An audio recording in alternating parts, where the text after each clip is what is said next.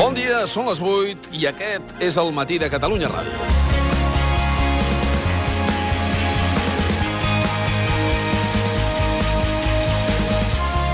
L'Estat decideix que augmentin les pèrdues pels estalviadors que van convertir el seu capital en participacions preferents. El FROP ha aprovat una nova quitança per als qui no optin per anar a judici o per l'arbitratge i vulguin recuperar part dels diners que van invertir.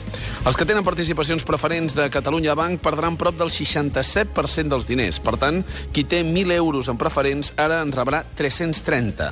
33 euros recuperats de cada 100 d'estalviats. Una pèrdua addicional del 13,8% que en aquestes polèmiques participacions es converteixin en accions. La pèrdua total arriba al 67%. Pèrdues de milers de petits eh, inversors per a qui la bombolla els va arrossegar. Aquí un sistema bancari prestigiat va arrossegar, molt sovint amb poca informació sobre els riscos financers que comportava.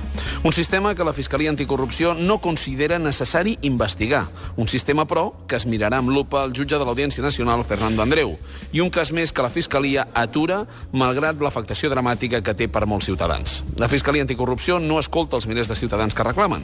Al matí de Catalunya Ràdio, els últims mesos, n'hem sentit alguns. ¿Cuánto? Pues 62.000 euros. Lo que teníamos, ahora estamos, mira, estoy mala porque esta noche no he podido dormir, ¿eh? Estos gobiernos, ¿qué pasa?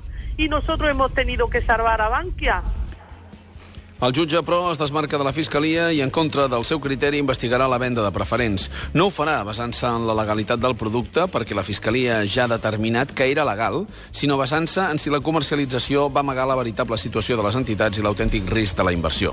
La interlocutòria del jutge, redactada amb molta prudència, especifica que investigarà cinc possibles delictes. Estafa, apropiació indeguda, publicitat enganyosa, administració fraudulenta o deslleial i maquinació per alterar el preu de les coses. Cinc petits delictes delictes que la Fiscalia menysprea malgrat que afecten milers de petits inversors.